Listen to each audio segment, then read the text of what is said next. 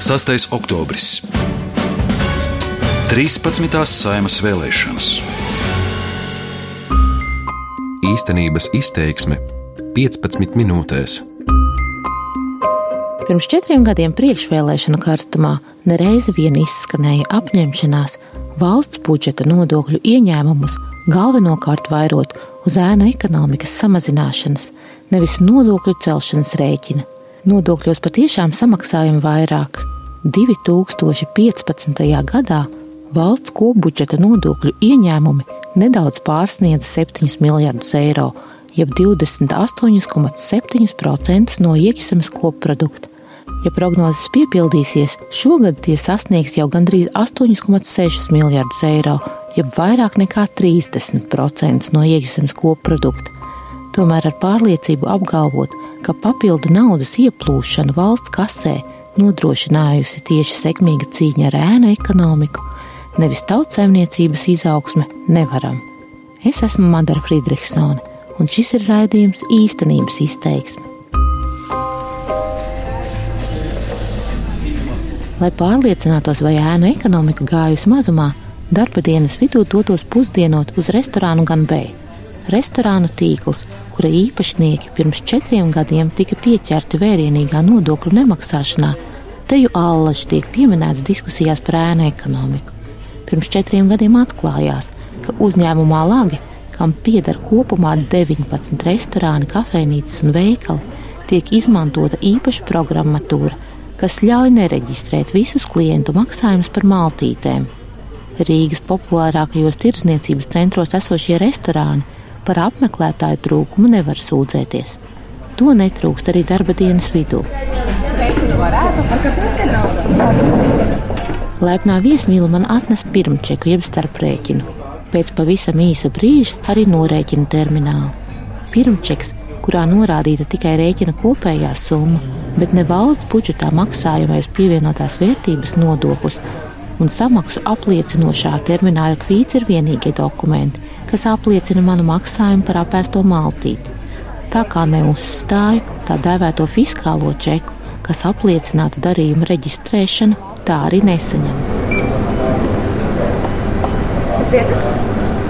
Nākamās dienas rītā nopērku kafiju turpat pāris soļu attālumā esošajā Lagi kafejnīcā kas pieder tiem pašiem īpašniekiem.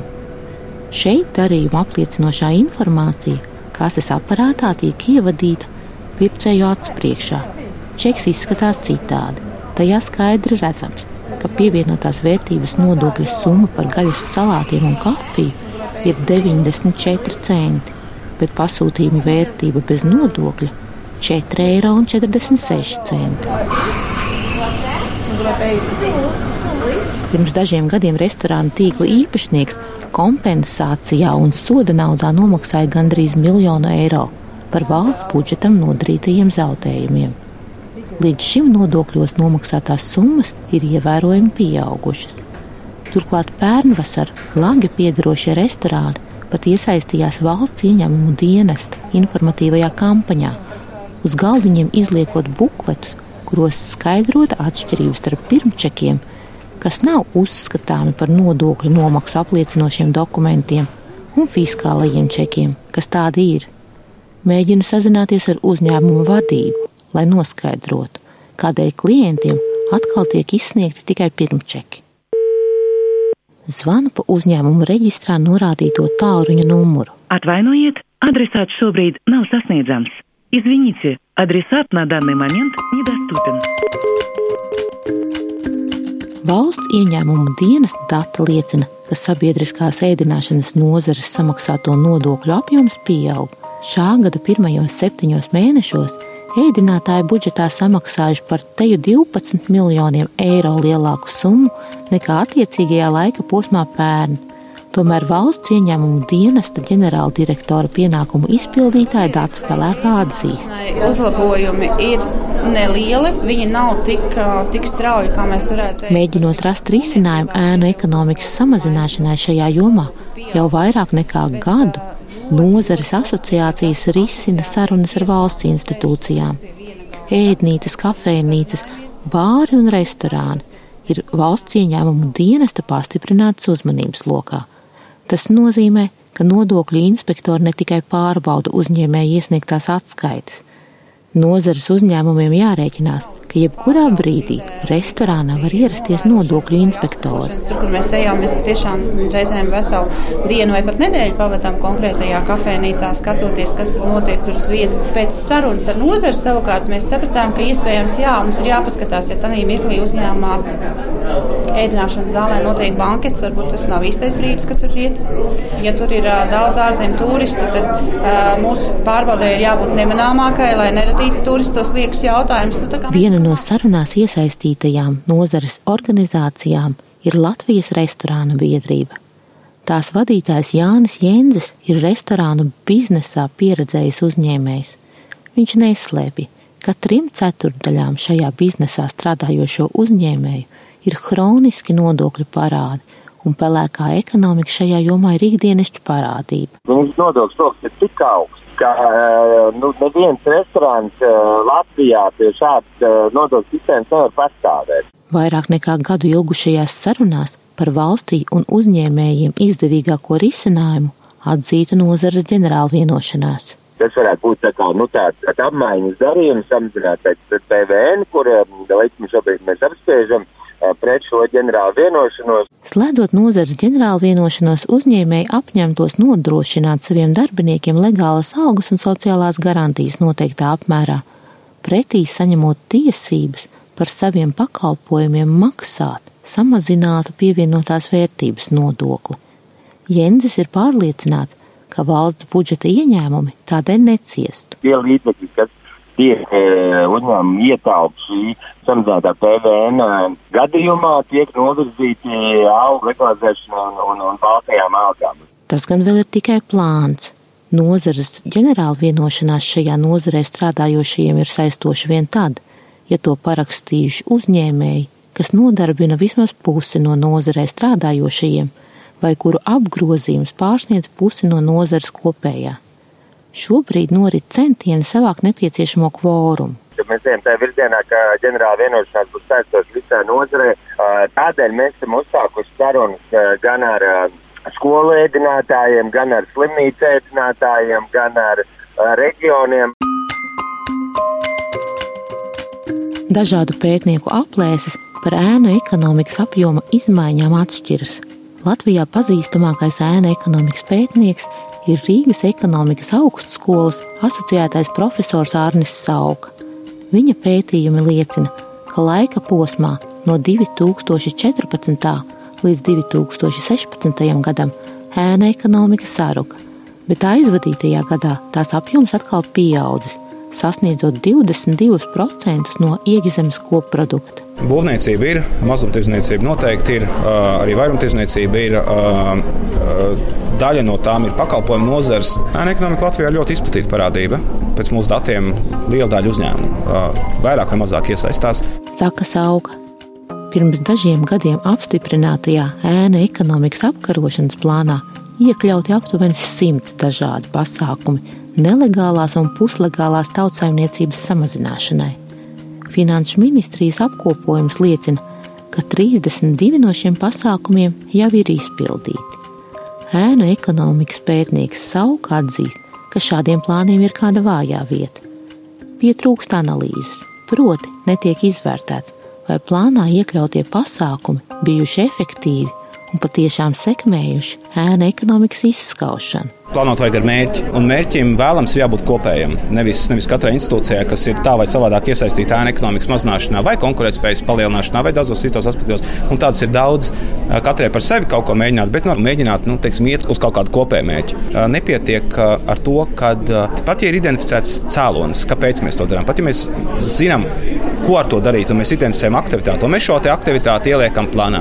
Pat ja mēs tam veltam resursus, kas nevienmēr tiek darīts, pat ja mēs pasakām, kādā laikā mēs varam sagaidīt kaut kādu rezultātu un kādu rezultātu. Un kā tas viss kopā nu, mazinās to vai no ekonomikas komponentu, vai ēna ekonomika kopumā, vai valsts konkurētspēja atkal cels. Vienalga, kā mēs šo nosacītu modeli izmantojam, nepietiek ar to, ka mēs šo jautājumu atrisinām ar kaut kādu likumu pieņemšanu. Ja tas likums nestrādā, tad, tad nekas nemainās. Cīņa ar nelegālo un puslegālo tautsēmniecību nav vienkārša.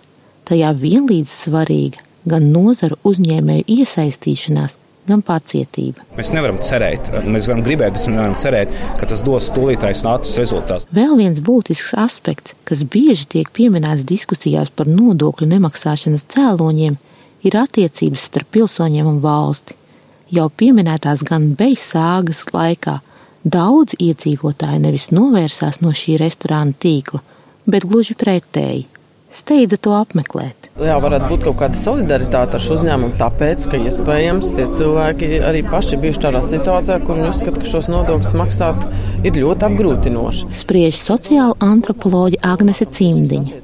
Viņa specializējusies biznesa antropoloģijā un savu doktora grādu iegūsi Bergenes Universitātē Norvēģijā.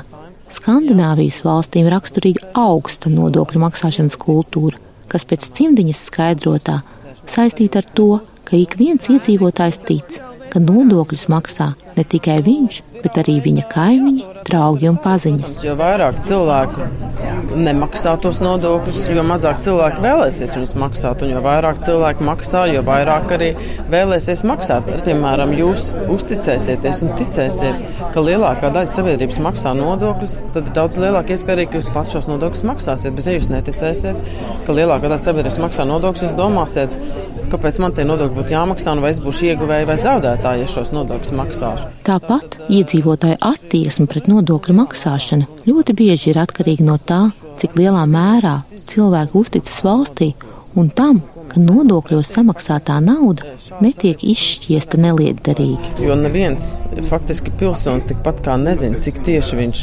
maksā valstī dažādos nodokļos. Neiet runa tikai pienākumu nodokli, protams, ko mēs katrs zinām, cik mēs maksājam, bet jebkura ekonomiska transakcija, protams, ir aplikta ar kaut kādiem nodokļiem vai kaut kādām, vai tiešiem vai netiešiem. Mēs nevaram aprēķināt, eh, teiksim, cik mēs saņemam atpakaļ no valsts eh, veselības pakalpojumos, izglītības pakalpojumos, eh, drošības stiprināšanā stiprināšanā. Faktiski šī aprēķina nav iespējama. Tātad attiecībā uz to, ko mēs saņemam pretī, mums pat īstenībā nav pamata teikt, vai mēs maksājam pa maz vai pa daudz, vai nu mums prasa pa maz vai pa daudz. Ja mēs atkal salīdzinām ar mūsu algu līmeni, ja teiksim konkrēti cilvēku vai konkrēti uzņēmumu ar savu ienākumu līmeni, tad tas atkal ir eh, droši vien arguments, kāpēc kādam šie nodokļi šķiet pārāk lieli, jo ir grūti iztikt ikdienā ar tiem ienākumiem, kas paliek. Taču spriežot par nodokļu lielumu tikai sajūtu līmenī, ir viegli maldīties. Nodokļi ir valsts un pilsoņa attiecību pamatā, un um, tas nozīmē, ka mēs maksājam paši sev. Jo valsts un cilvēks, valsts un pilsonis, mūsu attiecības sastāv no neskaitāmām apmaiņām, kurās mēs dodam un saņemam pretī, dodam un saņemam pretī, un tas notiek abos virzienos. Sabiedrības attieksmes izmaiņas nevar panākt nevienā mēnesī, nevienā gadā. Tas ir ilgstošs process, taču bez tā ēnu ekonomiku neuzveikt. Par to eksperti ir vienisprātis. Ar izvairīšanos no nodokļu maksāšanas aktīvi vai mazāk aktīvi cīnās arī citvieta, un arvien biežāk šī cīņa notiek virtuālajā vidē, proti, kamēr ēna ekonomikas darboņu vajadzībām tiek radītas īpašas datorprogrammas, kas ļauj sagrozīt dažādus grāmatvedības datus, nobēdzināt vai legalizēt uz nodokļu rēķina iekasēto naudu, nodokļu administrācijas cenšas turēt līdzi. Organizētai noziedzībai ir pavisam nu, modernāka tehnoloģijas, daudz augstāka līmeņa pieejamas. Par tām pašām pārprogrammēšanām mēs esam teikuši, jā, mēs nekad neuztaisīsim tādu produktu, kurā nu, neko nevarēs izdarīt, tur nekādas izmaiņas nevarēs. Bet uh, tas būs sarežģītāk, tas būs dārgāk, tas būs neizdevīgāk, un tas no mūsu puses savukārt uh, kļūs redzamāk, jo atstās kaut kādas pēdas. Tā valsts ieņēmuma dienas ģenerāldirektors pienākumu izpildītāja Dats Pelēkā. Viss liecina, ka ēna ekonomikas apkarošanas centieni turpmāk varētu nozīmēt stingrāk uzraudzīt darījumus virtuālajā vidē un stingrāk ierobežot skaidrs naudas apriti. Diemžēl godīgajiem uzņēmējiem un iedzīvotājiem jārēķinās, ka šie centieni var apgrūtināt arī viņu ikdienas dzīvi. Raidījumu veidoja Madara Friedrichsone, par skaņu rūpējās Renārs Šteimans. Darbības vārds īstenības izteiksmē izsaka darbību kā realitāti. Tagatnē, pagātnē vai nākotnē, vai arī to noliedz.